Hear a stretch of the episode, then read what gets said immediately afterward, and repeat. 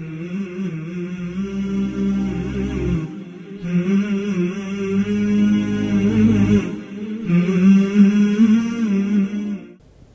siang, Assalamualaikum warahmatullahi wabarakatuh. Saya waktu pertama kali, saya tahu Pak Gatot hadir di masjid ini tadi malam baru Pak.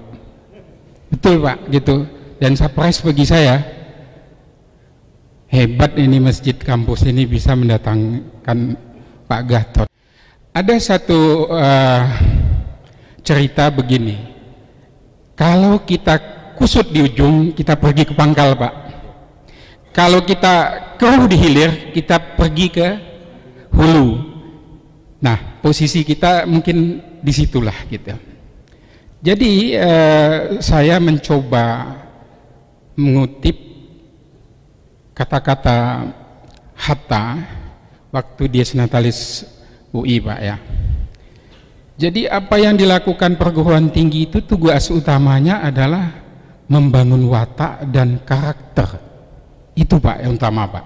Kalau pinter itu sekarang Mbah Google itu bisa di apa, tapi soal karakter ini kan enggak, enggak bisa di apa. Ini kan harus diajarkan, harus dicontohkan.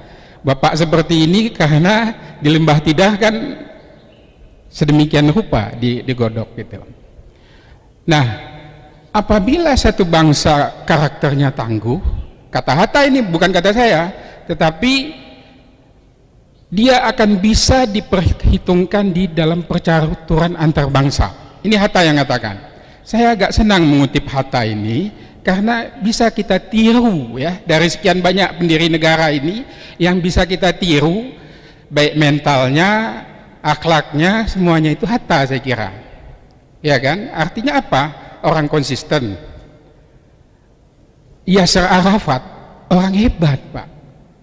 Pernah berdeklarasi saya tidak akan menikah sebelum Palestina merdeka ternyata nggak tahan lihat sebelah terus gitu Zuhal itu pak nggak tahan dia nikah dia Hatta nggak pernah berkata demikian sesudah Indonesia merdeka hilang dia dijodohkan oleh kawannya yang namanya Soekarno lantas dia menikah dengan Ibu Rahmi yang umur 16 tahun waktu itu. Iya iya saja 40-an umurnya waktu itu. Dan sampai akhir hayatnya masih sama Bu Ratmi. Yang lain saya nggak tahu saya nggak mau ngomong saya. Karena kalau kalau ada buku namanya tahta harta dan wanita ada yang nggak bisa masuk di situ. Memang dalam Islam ada empat tetapi persoalannya kan berbeda. Seperti itu. Jadi makanya saya bilang harta kebetulan saya dulu guru saya ada uh, Diliarno mengatakan dan kemudian dia murid Hatta. Dia katakan orangnya disiplin orangnya teguh. Mungkin Bapak pernah bicara apa mendengar tentang sepatu beli. Bayangkan itu Hatta sepatu beli saja yang dia idam-idamkan sampai meninggal tidak bisa. Kan luar biasa itu. Teguhnya satu-satunya orang di Indonesia yang mengembalikan dana operasional non budgeter yang itu halal dan toiban kepada dan waktu dia apa waktu dia mantu dia jual itu mobil yang 1745 itu. Bayangkan itu. Mudah-mudahan Bapak bisa mencontoh Hatta Pak. Itu itu itu itu. Nah ini dia mengatakan karakter yang penting. Kemudian yang kedua saya mengutip lagi kebetulan saya belajar ketahanan nasional Pak. Geostrategi Pak. Jadi Bapak Ibu sekalian syarat menjadi pemimpin Indonesia harus belajar geostrategi dan geopolitik. Betul Pak? Kalau enggak habis. Apalagi masa sekarang. Zaman kompetisi global seperti sekarang ini nah ada namanya Alfred Thayer Mehen mungkin ini yang mengilhami ide maritime poros maritime itu mungkin ya mungkin dia mempunyai enam elemen of power itu itu keenam-enamnya itu masuk dengan Indonesia semuanya tentang populasi manusianya oke okay. luas wilayahnya oke okay. bentuk wilayahnya oke okay. Hanya dua yang nggak oke pak apa itu karakter of people and character of government. Jadi syarat karakter of people dan karakter of government adalah penting. Jadi saya akan mengatakan ini karena saya melihat sebelah saya ini kepala pusat studi Pancasila. Pancasila itu dirancang adalah untuk negara kalau temannya dia mengatakan negara paripurna. Baru-baru ini Harvard menyatakan oke, okay, bagus. Al-Azhar juga bagus. Siapa yang bisa mengkritik Pancasila? Yang nggak bagus tadi karakter of people dan karakter of government. Jadi Bapak Ibu eh, sekalian bahwa negara ini didirikan dalam satu bentuk konsep yang sangat modern. Tidak seperti Eropa. Bapak bisa lihat karangan Hatta, karangan Soekarno. Kalau kita mau jujur, Indonesia ini seperti Malaysia, Pak. Karena basisnya itu adalah kerajaan-kerajaan Islam. Seharusnya begitu. Hanya Penang, Pak ya, yang tidak tidak negara kerajaan Islam di sana itu yang agak sekuler model Singapura ya Pak ya. Nah harusnya kita seperti itu sebetulnya.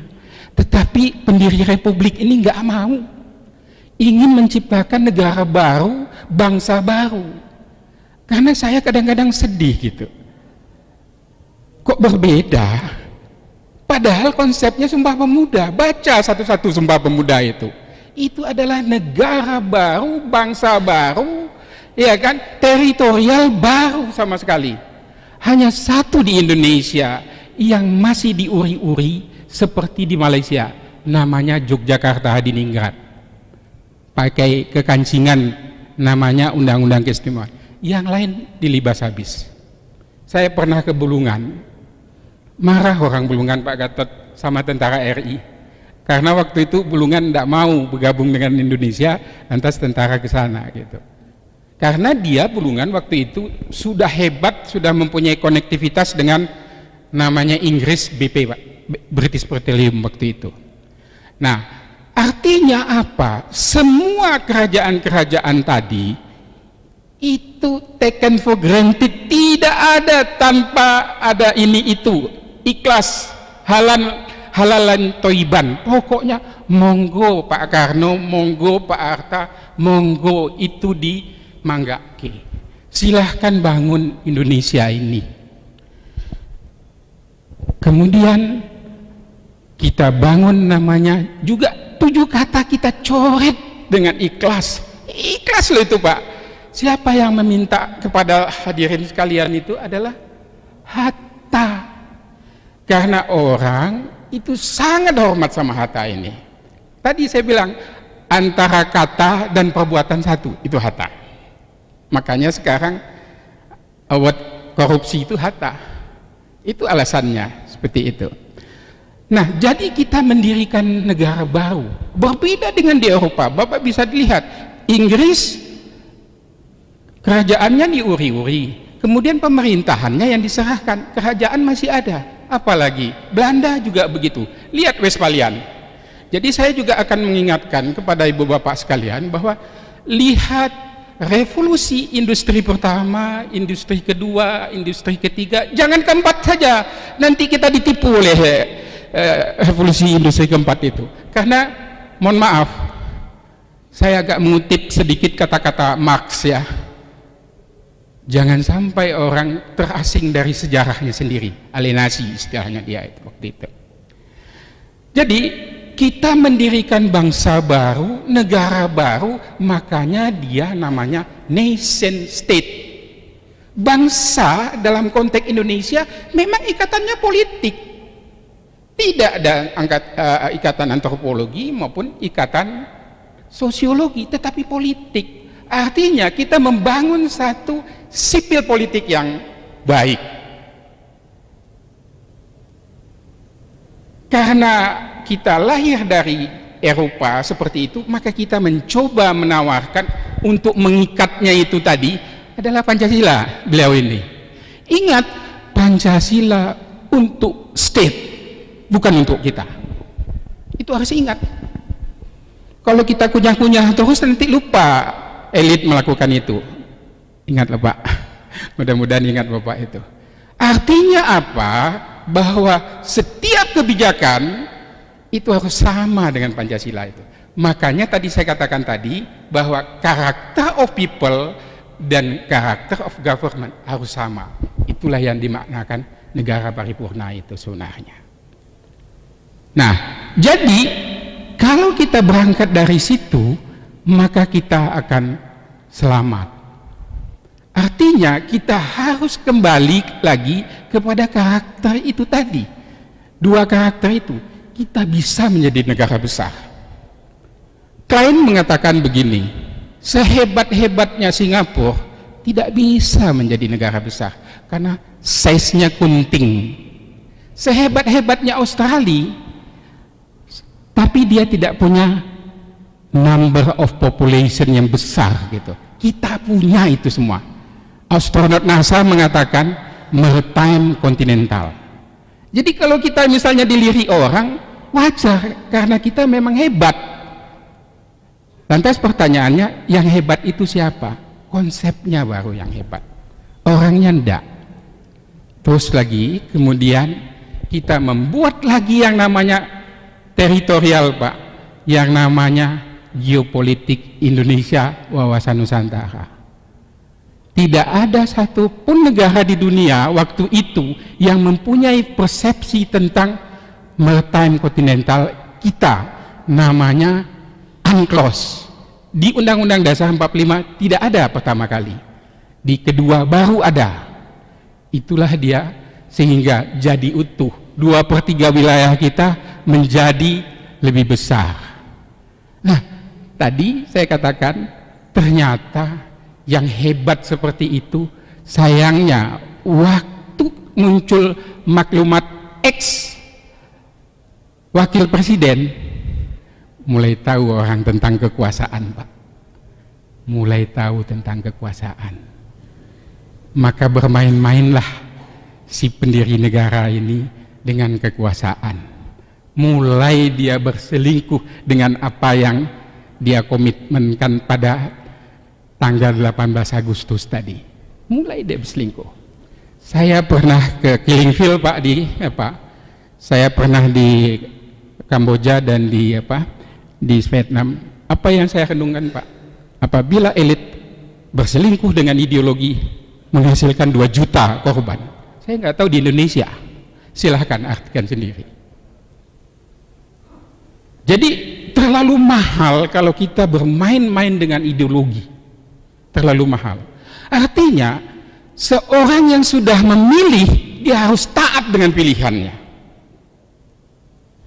Ini kan enggak lihat anak orang, ingat anak kita, lihat istri orang, lupa istri kita. Itu yang terjadi di Indonesia.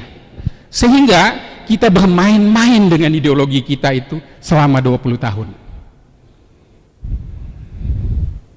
20 tahun Pak kemudian itu dicontoh lagi oleh pemerintah berikutnya. 32 tahun. Jadi kayak teh botol soso Pak. Apa makannya semua? Yang penting minumannya sah artinya tidak bisa kita menyamakan karakter of people dan karakter of government. Jadi penting karakter. Jadi jangan dikira Pancasila itu sering orang menembak Pancasila itu kan dari sisi utopis utopis. Siapa bilang utopis? Nggak utopis. Saya yakin. Saya pernah Pak Gatot ditanya sama seorang uh, bupati gitu Pak bagaimana jalan keluarnya masalah di daerah saya gini-gini? Saya bilang Bapak yang benar-benar aja tanya jalan keluarnya kok sama saya. Saya bilang gitu. Lupa Bapak bahwa Bapak punya kuasa saya bilang. Itu jalan kekuasaan sudah dikasih kok Bapak nggak bisa melaksanakan dengan kekuasaan itu kalau Bapak kasih kekuasaan Bapak kepada saya saya bisa. Kan begitu ya? Persoalannya kan itu. Eh, makanya kalau agak lucu orang eh, tolong kritik. Kalau kritik pakai solusi dong. Lah gimana? Namanya kritik kok ada solusi? Lah itu itu kan aneh itu. Kalau menurut ilmunya beliau ini dikatakan apa namanya kontradiksi in konsepsio apa yang nggak bisa dibuat oleh negara ya Karena apa? Negara itu adalah satu organisasi yang luar biasa. Contoh pasal 233 sampai hari ini buah semangka berdaun sirih itu pasal 33 itu tuh Pak. Tapi jalan kan Pak? Tidak ada jentelannya tuh ke, ke Pancasila. Itu tidak ada, tapi jalan. Karena apa? Kuasa tadi Pak. Jadi segenggam kekuasaan lebih efektif dari sekarangnya kebenaran. Itu dia. Jadi apakah itu uh, penguasa itu itu sangat luar biasa. Jadi uh, supaya nanti Bapak yang akan menendang bola berikutnya karena saya ingin kita shifting. Tadi saya bilang bahwa dari karakter primordial ke karakter sipil politik itu butuh kita dari kesuku bangsaan menjadi bangsa Indonesia, menjadi warga negara Indonesia. Jadi konsep kita adalah konsep warga negara, konsep modern itu. Paling modern itu, Pak. Kemudian yang berikutnya di bawahnya itu adalah eh, apa namanya? Eh, tadi itu warga negara kan, lantas negara juga begitu. Ya kan dari politik lokal jadi politik nasional jadi negara Indonesia. Jadi tiga kali kita harus shifting Pak. Jadi kadang-kadang kita lupa kadang-kadang kita berlaku jadi orang Padang kadang orang Batak jadi orang orang Minang begitu segala macam. Kita lupa bahwa kita itu orang Indonesia. Lah kalau kita jadi orang Indonesia baru dia klop sama Pancasila. Kalau kita masih menjadi tadi beda sana beda sini beda sana beda sini nggak bisa. Jadi inti dari persoalan ini adalah bagaimana kita merubah perilaku kita tadi, karakter kita tadi dari karakter tadi lokal ke karakter nasional tadi. Itu sudah dibuktikan oleh power yang dilakukan oleh yang namanya mehen tadi seperti itu. Artinya seorang penguasa itu hitam putih ada di tangan dia. Kalau karakter itu tidak bisa dia dia dia, dia penuhi, maka akan sia-sia. Makanya hati-hati dengan kekuasaan itu. Masuk surga cepat, masuk neraka lebih cepat lagi. Karena apa? Karena itu tadi. Segenggam kekuasaan lebih efektif dari sekarangnya kebenaran. Ingat-ingat itu. Saya, saya, saya kira itu ya. Uh, jadi persoalan kita adalah itu. Saya kira itu yang uh, bekal untuk kita bersama ke depan dan bekal untuk Pak Gatot. Terima kasih Pak Gatot. Assalamualaikum warahmatullahi wabarakatuh. Terima kasih Pak Murator yang terhormat Profesor. Sebenarnya cukup 15 menit dari beliau sudah selesai semuanya sebenarnya. Karena kata kuncinya karakter dan watak ini. Dan beliau juga sebenarnya menyindir menyindir kondisi sekarang ini gitu loh. Memperebutkan jadi orang tidak mau turun dari jabatan memperebutkan jabatan mati-matian. Padahal kalau tahu tadi dikatakan justru mempunyai jabatan itu ada dua saja neraka atau surga. Dan lebih gampang masuk nerakanya itu ini diperebutkan kan lucu. Apa yang disampaikan profesor saya belum ketemu sama beliau baru saja ketemu tapi kelihatannya nyambung gitu. Seolah-olah beliau memberikan jalan kepada saya tadi itu. Aja. Makanya saya mengambil judul membangun soliditas bangsa yang dilasi ukhuwah Islamiyah dalam kompetisi global. Menarik ukhuwah Islamiyah karena kita sekarang sudah pada lupa. Lupa bahwa bangsa ini bisa merdeka karena ukhuwah Islamiyah. Nanti kita buktikan sama-sama. Tapi sebelumnya apa yang dikatakan profesor itu benar-benar sangat sangat luar biasa dampaknya. Apakah kita masih punya negara nanti atau tidak? Kalau kita lupa pada watak dan karakter. Padahal kita hidup sekarang ini hidup dalam kompetisi global. Mengapa kompetisi global? Karena kita ini sekarang di dunia ini yang membuat kompetisi adalah ini satu. Pemanasan global. Pemanasan global ini membuat bumi ini jadi sempit daratannya jadi sempit.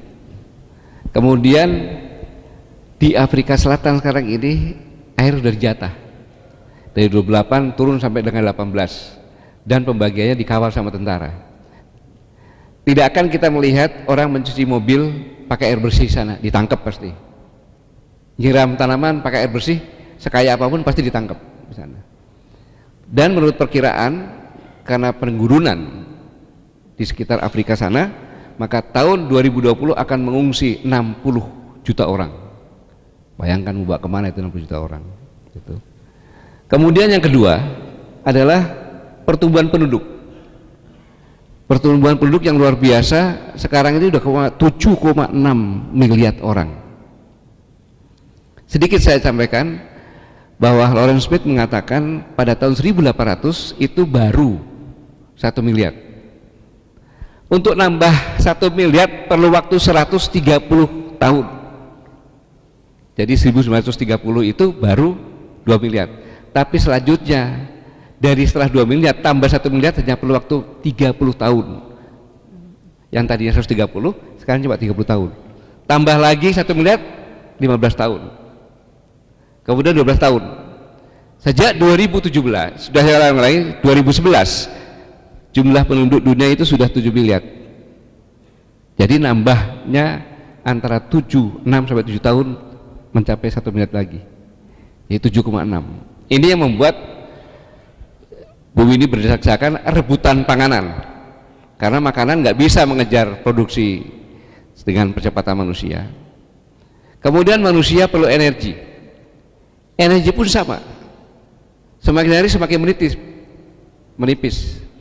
Buktinya di timur tengah hampir semua negara yang konflik hampir semua negara yang konflik itu negara penghasil minyak jadi sekarang kalau di dunia ada perang, itu omong kosong. Alasan apa pun juga omong kosong. Minimal 70% itu pasti merebut energi. Pasti rebutan energi. Nah, tiga ini Anda bayangkan bahwa hasil penelitian bumi ini hanya menampung untuk orang hidup normal, damai, aman, tentrem itu hanya 3 sampai 4 miliar penduduk kita sudah 7,6 miliar. Berarti sudah hampir dua kali sebentar lagi dua kali. Kalau empat kalau maksimal empat. Makanya sekarang ini sekarang ini di dunia ini sekarang ini kalau saya menghitung seribu, dua ribu, satu anak meninggal dunia. Hitungannya terus. Seribu, dua ribu meninggal. Satu ribu, dua ribu meninggal. Dua setengah detik satu orang meninggal dan setiap hari 41 ribu lebih anak meninggal dunia. Ini. Ini dampak dari pemanasan global dari pertumbuhan penduduk dari langkanya bahan bakar minyak fosil. Maka inilah ya setahun 15 juta anak meninggal dunia. Bukan orang dewasa orang dewasa wes waktu yang meninggal. Anak-anak itu karena kemiskinan kurang gizi dan kelaparan inilah sebenarnya yang menyebabkan kompetisi global. Nah kenapa saya sampaikan seperti ini? Karena ya karena dalam kondisi seperti ini kita ini ya kita ini menjadi sasaran perebutan nantinya. Karena kita adalah negara air banjir di sini. Ya kan makanan. Tongkat kayu dan batu jadi tanaman. Kan tongkat kayu aja jualan nggak percaya bohong nih patahin tanam tumbuh. Sebenarnya berlimpah kita makanan. Energi pun sama. Energi kita berlimpah. Kalau ini habis semuanya energi diganti energi tumbuh-tumbuhan berlimpah kita. Hanya yang aneh karena karakter dan fakta itu. Ada orang punya halaman nggak ditanemin lihat banyak tanah-tanah kosong nggak ditanemin kadang-kadang saya punya ide. Lain kali kalau saya pusing-pusing saya bawa bibit sengon ya kan naik motor kasih keranjang mampir. Assalamualaikum bapak ibu. Bu boleh nggak saya nanam di sini? Rumah ibu ini bisa enam pohon sengon nih. Saya yang nanam. Ibu tinggal nyirami aja. Nanti setelah lima tahun saya punya dua batang ibu punya empat batang. Nggak rugi apa apa kan oh bapak ibu juga di sini kok? Saya nggak ke mana-mana pokoknya. Pokoknya begitu mau panen ini nomor HP saya. Pindah lagi rumah pindah lagi rumah. Saya ibu rumah kan lumayan. Orang ibu pohon. Kan gitu. Ini kerja ini bisa loh dilakukan. Bibit kan murah kadang-kadang minta juga dikasih kok saya ini. Ini nggak dilakukan ini. Bung Karno pernah mengingatkan bahwa kekayaan alam Indonesia suatu saat nanti akan membuat iri negara-negara di dunia presiden pertama kita belum ada krisis pangan, belum ada krisis energi. Jumlah penduduk waktu masih sekitar ya 3 miliar paling paling banyak. Belum sampai 3 miliar. Baru dua setengah miliar sudah ngomong seperti ini. Jadi ini peringatan. Makanya kita punya pilihan. Nah ini karakter juga nih. Kita punya dua pilihan. Kita mau pilihan ini Warren Singer bilang bahwa Indonesia tahun 2030 tidak ada. Warren Singer mengatakan demikian. Orang pada protes, wah segala macam segala macam. Nah kalau karakternya sama wataknya nggak berubah, ya bisa seperti ini. Pasti bahkan mungkin bisa lebih cepat. Mungkin lima tahun lagi bisa juga kalau kita nggak punya karakter dan watak seperti itu. Karakter wataknya wah wis makmur kok wis makan tur wae. Kayak gitu. Apa-apa nggak peduli segala macam nggak peduli. Mahasiswanya juga nggak peduli juga. Ya sama aja gitu. Karakter ini. Kalau nggak berubah seperti ini. Tapi kita juga punya pilihan. Tahun 50 kita negara ekonomi terbesar. Nomor 5 kekuatan ekonominya maka tinggal milih. Menjadi hilang atau menjadi negara yang hebat ekonominya. Semua ada kok. Tetapi ya ingat tadi karakter kita memang dibentuk seperti itu oleh orang yang ingin menguasai kita. Dibentuk pak. Ada semacam rekayasa sosial. Semacam rekayasa sosial. Kita ini bangsa ras yang unggul. Orangnya baik-baik semuanya. Nah ini saya buktikan Buktinya saja gampang. Taruhlah semua agama yang ada di Indonesia. Adakah nabinya yang turun di Indonesia? Tidak ada. Karena semua nabi itu diturunkan di tempat yang masyarakatnya adu bialik. Ya kan? Biadab. Suruh memperbaiki. Di Indonesia nggak ada. Itu bukti sepanjang zaman itu aja lihat. Indonesia orang-orang baik semuanya. Nah, kita pilih yang mana? Karena kita di dikaruniai oleh Allah Subhanahu wa taala suatu tempat yang luar biasa. Ya, yang dikatakan the winning region. Bahkan kenapa dikatakan the winning region? Karena memang kita pertumbuhan ekonominya 10 tahun terakhir negara-negara yang ada di situ setengah populasi dunia itu tinggal itu pertumbuhan ekonominya rata-rata di atas lima bertahan 10 tahun bertahan 10 tahun sehingga Amerika Australia, Jepang bersatu untuk membuat Indo-Pacific region. Indonesia di dalamnya tuh lingkarannya, Indonesia di dalamnya. Kemudian Tiongkok juga mau kalah baru-baru ini buat obor, one belt, one road. Indonesia di dalamnya itu. Ini kan bukti. Setengah populasi dunia dari situ, ekonominya tinggi. Ngambil apa-apa pasti dari situ karena menjadi sorotan. Nah sorotan inilah yang harusnya kita sadar. Harusnya kita sadar. Kenapa kita sadar? Kita harus bangkit. Bisa. Asal tadi katakan kita punya watak dan karakter. Dan jangan selingkuh terhadap ideologi. Pemimpinnya itu. Iya pemimpinnya. Kalau rakyatnya sih bagaimana pemimpinnya saja. Uang sholat juga bagaimana imamnya kok. Begitu. Ini kita punya modal luar biasa dari kata-kata Indonesia. Dengan angklos kita sudah menjadi suatu negara kesatuan. Dan kita ini kalau kita lihat keliling bumi seperdelapan loh negara kita. Ya, kita hitung dari ekuator seperdelapan. Bayangin seperdelapan garis tengah dunia, yang lingkaran dunia itu punyanya Indonesia dan yang menguntungkan itu adalah ekuator di ekuator ini tumbuhan hidup sepanjang masa. Nggak pakai libur. Akasia bahan baku kertas pulp. kalau di Eropa itu 12 tahun. Perlu waktu 12 tahun. Indonesia 6 tahun. Kualitasnya lebih bagus yang Indonesia yang 6 tahun. Karena nggak pakai istirahat turu. Jadi kalau tumbuhan di Eropa males ya. Setahun tidur dulu. Ya, kan? ya kalau musim salju kan rotok semuanya harus tidur nggak produksi apa-apa nanti bangun ngolet dulu ngoletnya lama lagi baru tumbuh lagi. Ini. Jadi ini anugerah. Ini modal kita. Kemudian di winning region tadi mereka kalau mengirim barang-barang harus lewat kita. Geomaritim Indonesia itu kita punya alki. Alki yang satu itu yang di Selat Malaka itu luar biasa itu. Luar biasa. Ya. ada sekitar 84 ribuan kapal per tahun lewat ya kita ngitungnya nggak usah jauh-jauh saja. Australia, India, Tiongkok. Berapa itu? Tiongkok aja 2,5 triliun US dollar. Kemudian India 0,35 dan Australia 0,4 triliun. Lewat situ. Dapat apa kita Jogo selama dua tahun ini nggak ada lagi perompakan aman tentram dan damai kita tidak mengambil. Kita ngambil asuransi saja.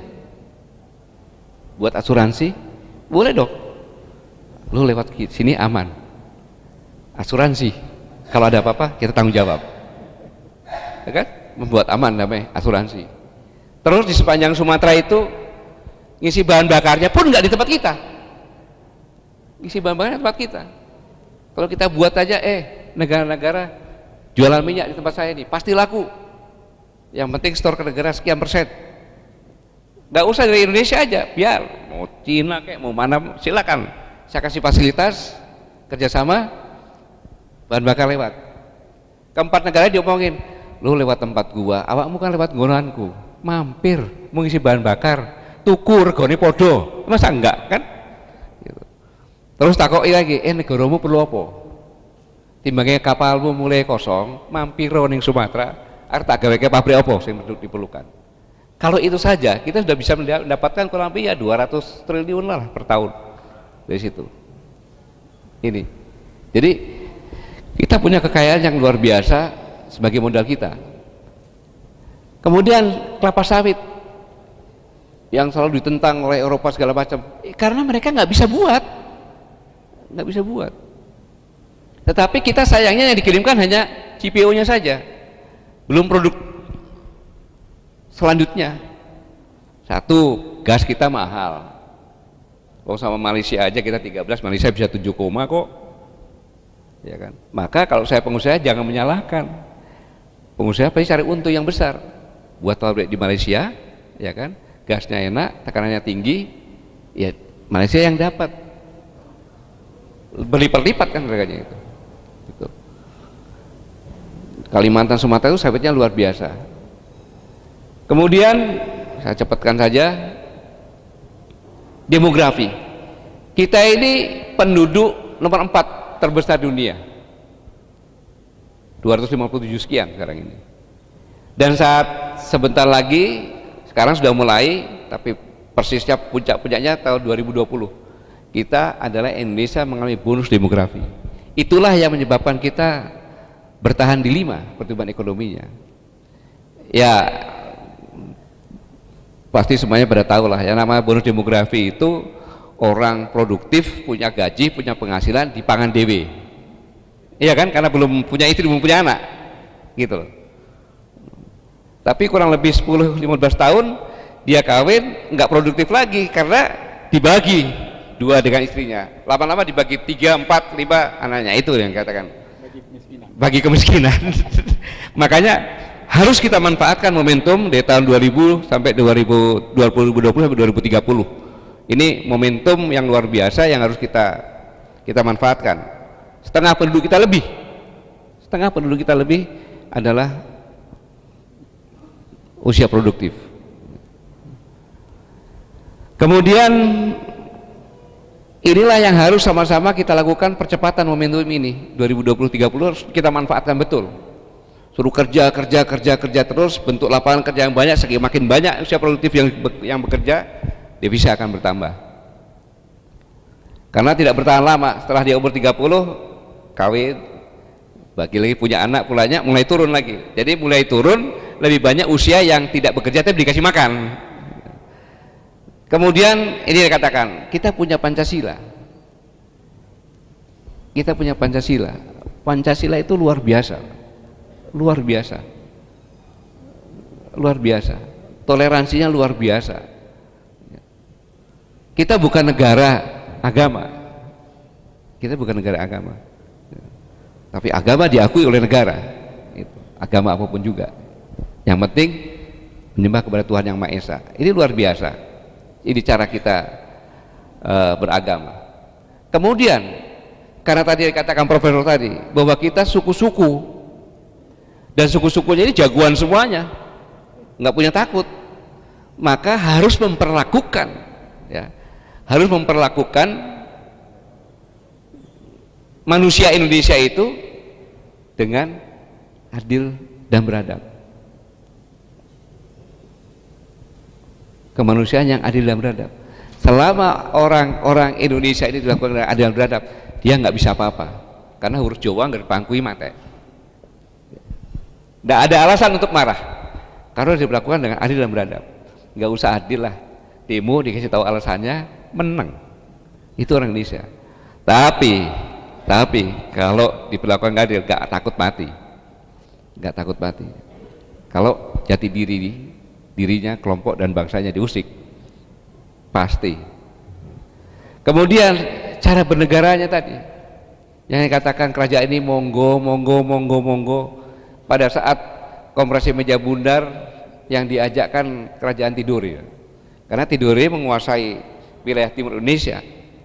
Sah secara de facto dan de jure. Maka Raja Tidur diajak menyerahkan Indonesia. Kalau Tidur bilang tidak nggak bisa. Gitu. itulah hebatnya. Makanya cara bernegaranya menggunakan persatuan Indonesia. Ini saya ngomong pacarnya hati-hati sama moderator nih soalnya. Kemudian cara berdemokrasinya pun sama. Demokrasi ini masih dianut oleh organisasi-organisasi Islam. Iya. Ada Dewan Syuro. Untuk apa? musyawarah musyawarah. Tetapi kita selingkuh. Kita selingkuh. Wakil-wakil rakyat sadar selingkuh. Nggak apa-apa. Nggak apa-apa saya. Ya memang benar kok. Mana ada voting? Nggak ada. Musyawarah mufakat karena menghargai semuanya sama. Adil dan beradab. Lima orang nih ikut di sini di belakang. Kita musyawarah yuk kan gitu. Habis ini kita makan apa? Gudeg bajum kan? Bubur ini bakmi Jogja ini. Kan gitu. Diskusi. Voting. Janjinya kurang kepingin nih tapi ya piye? Skala piye? Tapi kalau eh gini kita kan sekarang setiap Jumat kita ke sini kan gitu. Saiki wis awan wis ngelih. Sing cedek wae apa sing? Oh Mbak Jum. Ya udah Mbak Jum. Engko minggu ngarep awakmu ya. Sepakat? Sepakat. Enak kan? Tidak merasa disalahkan itu harusnya tapi ya tadi selingkuh tadi. Gitu. nah kalau sila pertama dua tiga empat tidak kita lakukan secara konsisten dan konsekuen karena watak dan karakter kita sendiri mana bisa kita wujudkan tujuan nasional? Wujudkan keadilan sosial bagi surat Indonesia? Nggak mungkin. Nggak mungkin. Yang ada keadilan sosial makin menjauh terhadap manusia Indonesia. Yang ada gitu nanti. Ini karakter. Nah politik kita punya modal politik. Biasa di media sosial ribut itu biasa. Kalau banyak pengangguran jawab apalagi kalau nggak diskusi di warung kopi ribut. Ya ribut aja tetapi begitu pemilihan aman. Aman. Bahkan internasional mengatakan stabilitas politik kita semakin hari semakin membaik. Dan dibuktikan 2004 pemilu aman 2009 aman 2014 aman. 2019 pasti aman harus aman. Iya kita punya modal. Itu modal loh. Itu modal yang diamati oleh seluruh dunia. Kemudian ekonomi. Kita ini ekonomi kita itu di 5% terus. Sampai jalan ke Eropa cari ada nggak negara yang pertumbuhan ekonominya 5% setengah mati. Setengah mati kita berkisar itu aja. Kalau pemilu turun sedikit selesai pemilu naik lagi. Gitu. Ini kalau lihat grafiknya ini lima semuanya di atas lima. Bahkan kita rata-rata itu 5,55 persen rata-rata. Itu luar biasa loh kita. Kita punya modal itu. Kenapa? Tadi modalnya. Modalnya kita punya semua ada di sini. Gitu. kemudian kita punya bonus demografi lagi. Keamanan dunia internasional mengatakan bahwa Indonesia memiliki tingkat keamanan yang tinggi. Global Peace Index mengatakan ini. Declare keamanan tinggi. Kemudian sosial budaya. Kita ini keturunan dari bangsa pemberani. Ini buktinya. Dalam setiap diri orang ada patriot dan kesatria. Saya buktikan. Tidak ada satu suku pun ya, tidak ada satu suku pun di Nusantara ini yang tidak punya ciri khas senjata. Sampai nikah pun gue keris kan gitu. Iya kawin dia pakai keris. Berarti dia siap menghadapi apa pun juga gitu. Punya senjata semuanya. Dan semua punya tarian perang tujuannya untuk melatih perang itu. Gitu. No coba macam-macam sama orang-orang kayak gini. Nah, dipateni kalau jati dirinya jati di kelompok sama. Ini. Dan sejarahnya juga begitu. Sejarahnya juga setiap daerah punya pahlawan. Melakukan perlawanan-perlawanan. Ini modal kita. Kita ini bangsa yang pemberani sehingga percaya kepada kemampuan sendiri.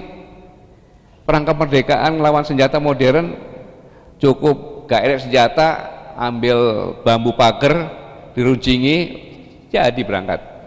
Kan gitu. Bahkan ada sejarah perang bubat.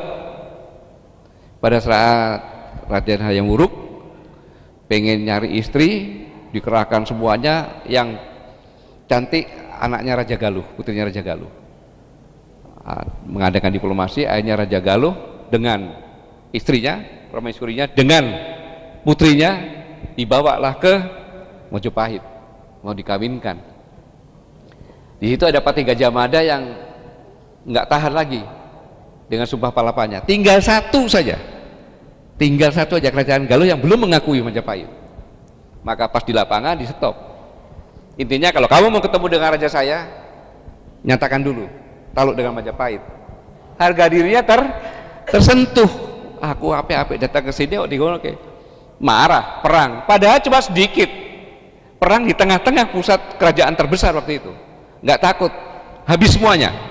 Itulah contoh orang Indonesia. Nggak takut mati dia.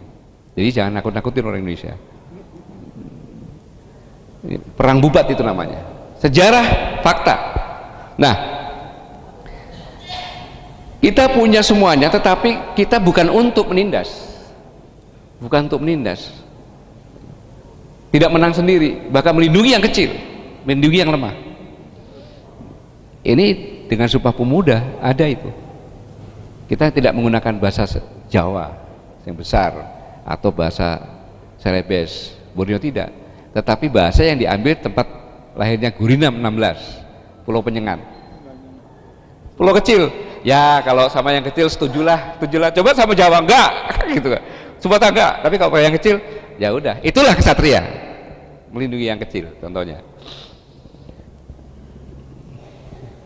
Ini kita punya modal. Nah kemudian cara kerjanya pun kita buktikan. Tidak ada satupun bahasa di dunia yang bisa menyamakan gotong royong. Nggak ada. Tembok bukan tuh. Bukan nggak ada. Kita gotong royong. Sampai sekarang masih terlihat. Masih terlihat sampai sekarang. Kalau ada banjir aja. Dapur-dapur umum kan ibu-ibu datang masak sendiri. Digaji enggak? Enggak. Masa kemudian diantar bahkan ayo makan ayo makan ya gotong royong. Nggak ada yang nyuruh. Zaman dulu di Jogja ini kalau mau bikin rumah di kampung cuma ngomong aja pengumuman anakku wis umur lulas aku harap mantu harap gawe rumah udah nanti besoknya ibu-ibu bawa makanan kau bakar bapaknya nyari tiang segala macam. Dalam waktu singkat rumah jadi tanpa mengeluarkan biaya. Itu gotong royong. Sekarang watak dan karakter tadi yang berubah. Kita sudah kena rekayasa sosial. Kemudian kita dicap sebagai negara nomor dua paling optimis. Dunia yang mengatakan ini Cooper mengatakan kita negara yang paling optimis. Gitu. jadi kita punya modal semuanya. Dalam kondisi seperti ini loh. Apalagi kalau profesor bilang tadi kita karakter sama wataknya berubah. Wow melesat. Melesat. Bisa nomor satu itu. Karena karakter itu. Karakter itu. Ini buktinya. Selama ada organisasi karate kita tidak pernah mendapat medali perunggu. Kemarin kita dapat medali emas. Empat lagi medali emas. Junior lagi kemudian ini hafiz Quran, hafal Quran, kita juara dunia loh. Kita juara dunia. Ada orang yang sini yang juara dunia. Ada di sini. Juara dunia kita. Hafiz Quran. Jauh loh Quran tuh dari Arab ke sini. Jauh loh. ya. Juara dunia berkali-kali itu. Berkali-kali. Matematika. Kita mulai dari emas. Kita jago matematika. Kemudian kontes robot di Amerika. Kita juara juga. Bayangin mau teknologi juga juara. Karakter tadi. Bahkan bahkan ini. Bayangin anak Indonesia juara pertama debat bahasa Arab. Aku guyu juga anak Indonesia kan gitu. debat bahasa Arab bisa ngalahkan orang Arab. Pertandingan di Indonesia mungkin wajar kan? Di Qatar ini. Kan aneh itu karakter. Jadi prediksi tahun 50 kita bisa lima besar itu bisa. Tetapi tetapi karakter tadi maka semua tergantung kita ya. Semua tergantung kita mau yang mana itu bisa ya maka kalau ingin karakter kita kembali maka kita harus kembali. Ya. Bersatu kembali pada indahnya perjuangan merebut kemerdekaan. Bersatu kembali pada indahnya merebut kemerdekaan. Siapa yang merebut kemerdekaan? Ulama sama santrinya. 90% lebih penduduk Indonesia adalah Islam. Ulama santrinya dan rekan-rekan lainnya yang agama Hindu Buddha juga ada juga. Tapi itu intinya jadi kita kembalikan ke itu. Ya. Ini persatuan umat yang dipelopori oleh ulama dan santri. Mampu melahirkan negara kesatuan Republik Indonesia. Karena memang surat Al-Baqarah 259 ya mengatakan hanya karena satu orang penjaga kitab suci Al-Quran Allah subhanahu wa ta'ala akan menghidupkan kembali satu bangsa yang mati satu bangsa yang mati. Ini dibuktikan dalam Al-Quran juga dibuktikan. Seolah ahli Taurat di Yerusalem. Yerusalem berantakan. Dan di Taurat juga ada kata-kata itu. Apakah saya benar karena saya hafal terhadap Taurat? Ya penghafal Al-Quran kan yang menghafal Al-Quran itu. Apakah benar seperti ini? Tiba-tiba dia tertidur dia bangun udah 100 tahun lagi. Ya Yerusalem udah bangunan gedung segala macam keledainya udah tinggal tulang putih gitu. ini tolong Pak Kiai kalau saya salah tolong dikoreksi supaya jangan terlanjur gitu. Bahkan tulang-tulang aja dikasih daging muncul lagi jadi keledai lagi kan gitu. Jadi itu. Nah sejarah ini juga Nusantara dulu kan mati. Kerajaan kan mati kan? Tapi bisa hidup. Sebelum zaman zaman wali. Sebelum zaman zaman wali. Kita nggak bisa difatwakan juga dari Hafiz Quran penjaga Al-Quran. Karena pada tahun 14 18 ya ini 14 18 ada Syekh Hasanuddin di daerah Kerawang sana Jawa Barat. Dan hingga dikenal dengan Syekh Wuro. Ya, ini. Tidak mengajak tidak orasi tidak diskusi apalagi maksa menyebarkan agama. Tapi cukup dengan melantunkan Al-Quran dengan madunya bisa menggoyangkan hati. Bahkan Syekh Kuro ini punya santriwati yang namanya Subang Larang seorang gadis Subang Larang. Subang Larang karena suaranya merdu menarik perhatian pangeran Pamanah Rasa. Pangeran Pamanah Rasa sehingga melamar dan dinikahkan seorang Hindu itu pangeran Pamanah Rasa adalah Prabu Siliwangi. Seorang Hindu bahkan menikah Syekh Kuro menjadi saksi. Pasti sudah mengucapkan dua kalimat syahadat. Maka anaknya lah lahir Prabu Kian Santang. Dan salah satu wali adalah dari garis keturunan tersebut. Sebelum zaman wali ini 14 14 itulah menyebarkan hanya sampai ke Jawa Tengah Jawa Timur sampai ke Makassar ini ini Subang Larang yang ceritakan tadi memikat hati Prabu Siliwangi kemudian menikah lahirnya Prabu Kian Santang dan para wali dari sana. Nah, inilah kemudian yang menyebar semuanya sehingga pada tahun 1890-an ya. Ya, sebelumnya wali-wali. Ya, sebelum itu wali-wali kemudian wali-wali pun dalam menyebarkan agama tidak merusak budaya melalui budaya. Menghormati budaya lokal. Ya. Nggak instan pelan-pelan. Pelan-pelan. Nggak memberatkan masyarakat. Jadi jangan nyalahkan kalau ada masyarakat suatu pulau ini kafir nih. Sholatnya cuma sholat Jumat sekali. Ya nggak bisa. Karena waktu itu ateis tiba-tiba ada ulama mengajarkan lewat sholat Jumat dulu. Nah, punya program gitu. Habis itu baru sholat juhur baru ningkat ningkat ningkat eh baru sholat Jumat meninggal. Karena ulama ini sangat luar biasa dekatnya orang lain masuk nggak bisa lagi. Nggak bisa disalahkan itu kadang-kadang kita ributkan gara-gara itu aja belum selesai ya itu. Kemudian juga tidak mengancam siapa pun. Itulah indahnya Islam gitu. Tidak mengusik budaya nasional sebaliknya justru memperbaiki dan memperkuat budaya. Ada orang bilang oh katanya wali nyuruh mengorbankan di sebuah gunung pakai kepala kerbau. Wali apaan itu? Harusnya kita tanya. Dulunya yang dikorbankan adalah gadis. Merubahkan nggak bisa langsung kan? Wes ojo gadis lah kerbo aja kepala kerbo wanita saja.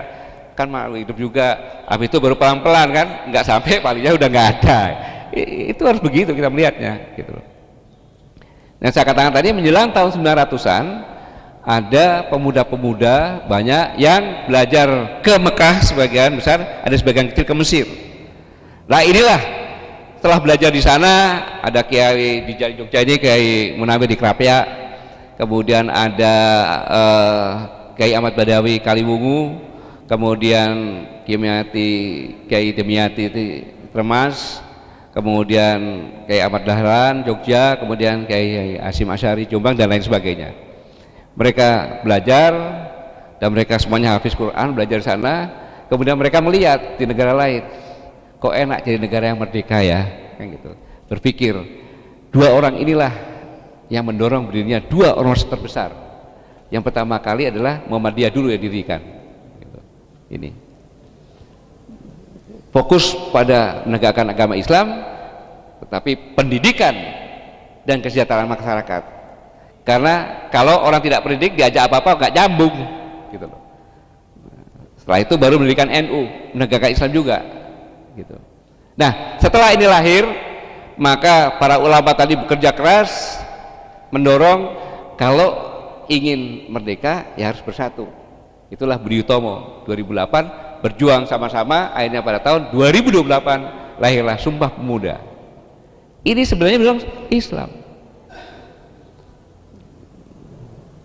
Setelah Sumpah Pemuda apa? Setelah bersatu berjuang. Motonya juga satu merdeka atau mati. Apa ini? Jihad kan? Kalau nggak merdeka mati. Siapa ulama juga? Sehingga semuanya berani merdeka atau mati jihad. Inilah sejarah loh. Ini sejarah. Sejarah. Makanya saya mengatakan yang memerdekakan bangsa ini apa? Rakyat sama TNI? Betul? Betul? Betul sopo? Oh, TNI lahirnya 5 Oktober 2045 kok, Merdeka 17. Nggak ada, TNI nggak ada. Ulama dan rakyat, santri dan semuanya pedagang dan sebagainya. Maling pun ada juga yang berjuang, iya kan? Tugasnya maling, maling senjata di musuh kan gitu. Iya, ada. Gitu. Makanya begitu merdeka, lo kemerdekaan ini harus diperjuangkan, harus ada yang jaga kan? Ya nggak? yang jaga yang jaga ada ulama yang pulang ke pesantrennya lagi ada yang tinggal ada santri yang pulang ada yang tinggal ada yang pedagang yang pulang ada yang tinggal itulah cikal bakal tentara makanya panglima tentara Indonesia yang pertama adalah seorang guru ngaji Pak Dirban itu jadi itu persatuan umat yang dipelopori ulama. Kalau ini kembali lagi pada sekarang karakternya kan kembali lagi pada karakter umat. Ini yang lupa. Buktinya apa begitu Merdeka Kromati ada tiga divisi tempur yang jadi tulang punggung perjuangan bayangin ulama pun punya divisi ya, barisan kiai kiai Wahab Hasbullah kemudian Barisan Husbullah Kiai Jainul Arifin dan Sabilillah adalah Kiai Maskur. Jadi tiga divisi ini mana divisi ini? Divisi Islam semuanya yang berjuang. Inilah yang yang kadang-kadang kita dilupakan. Maka lahirlah negara kita. Gitu. Ya.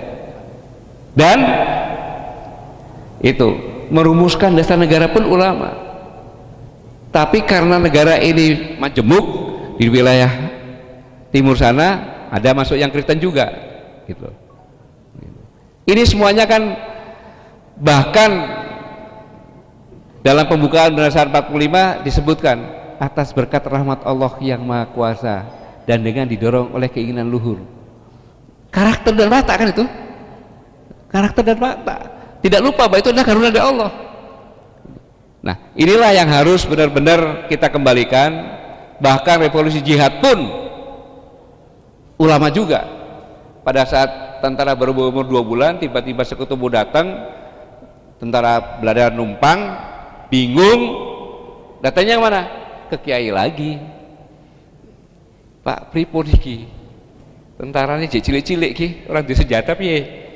Ya wis tak sholat istiqoroh. Ya kan? Maka resolusi jihad. Mengumpulkan semua kiai. Yang mimpin bukan Kiai Haji Masa Haji Masari bukan. Kita tunggu singa Jawa Barat. Dari Cirebon. Dari Buntet Kiai Abbas naik kereta api. Musyawarah mufakat di Rembang. Sebelum sore berhenti di Rembang. Bermalam sholat istiqoroh kita musyawarah. Ditunjuk yang mimpin Kiai Abbas. Maka Kiai Abbas sampai di Surabaya di masjid ada kolamnya tempat wudhu. Dulu wudhunya kan bukan pancuran kolam aja itu. Kolam siapa yang mau jihad wudhu di sini? Namanya santri. Nggak afdol kalau wudhu nyemplung sisan kan gitu namanya santri kan. Beling-beling ya memang begitu emang. Yang bunuh jenderalnya sekutu malah bisa kok tentara? Bukan. Santri. Cuma karena santrinya ingin lihat hasilnya dia pasang bon ingin lihat hasilnya ikut mati sekalian. Nama juga santri sebelum ke bon kan hasil lipi itu kan gitu kan. Dia kena sisan yang merobek bendera merah putih biru di gedung oranya yang sekarang hotel Majapahit santri juga yang robek bukan tentara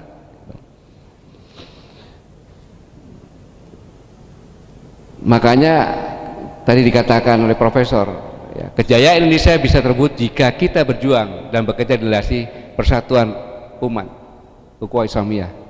Kita tidak akan menyerang agama lain, justru melindungi agama lain. kita buktikan pada saat 411 begitu banyak di depan istiqlal ada gereja Katolik. Ada seorang pasangan yang akan melaksanakan sakramen pernikahan. Mungkin pernah lihat di TV ya kan? Jalannya dibersihkan. Eh bersih jalannya bersih bersihkan bersihkan. Diamankan supaya bisa masuk gereja. Itulah Islam yang sebenarnya. Jadi kemudian saya dititipin juga tentang keilmuan kan gitu. Islam itu il, ilmunya luar biasa loh. Karena Islam kan rahmat bagi semesta alam. Pasti semua ilmu ada di Al-Quran. Saya cepatkan saja nih. Ilmu biologi itu. Ya kan? Semua berdasarkan Al-Quran. Idenya kenapa sih di Al-Quran? Makan dan minumlah secukupnya kan? Belajar oh ternyata ini. Ilmu astronomi ada itu perjalanan matahari pun malah dalam siang itu kan sudah beredar pada garisnya masing-masing. Buktikan ilmu astronomi pertama kali muncul tahun berapa? Di Al-Quran sudah ada itu. Yang nemukan juga berdasarkan Al-Quran. Dan penghafal Al-Quran biasanya karena dia berbalik lagi kepada Al-Quran. Semua ilmu ada. Semua ilmu ada.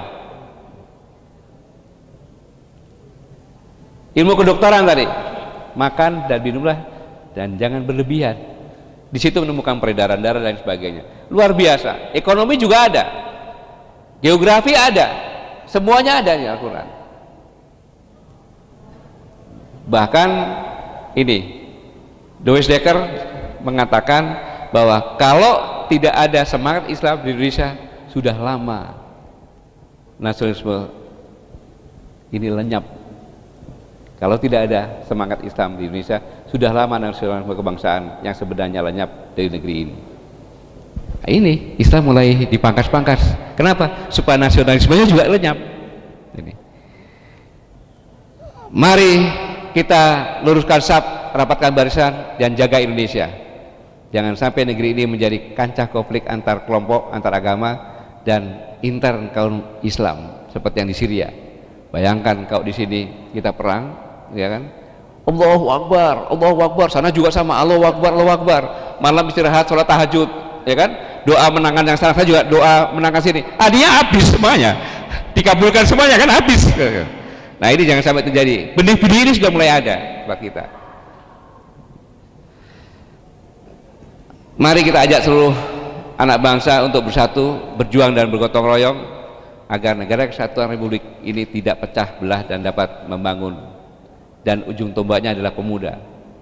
Dari dulu pemuda, reformasi juga pemuda, semuanya pemuda. Bangkit pemuda. Ya, bangun ukhuwah Islamiyah untuk wujudkan Islam yang rahmatan nil alamin. Dan satukan hati kita semuanya bersama-sama untuk Indonesia. Pak Muratan, Pak Profesor, mungkin saya agak panjang, tapi saya cepetin, mohon maaf, ini yang bisa saya sampaikan. Kalau saya menggebu-gebu, itu karena saya bersemangat, bukan apa-apa, karena sebenarnya saya memprovokasi. Memprovokasi karena saya menitipkan keselamatan bangsa ini kepada adik-adik sekalian. Kalau saya sekarang sudah mulai pelan-pelan berjalan ujur, ada adik yang akan menikmati bangsa ini mau punah atau mau berjaya. Terima kasih. Wassalamualaikum warahmatullahi wabarakatuh.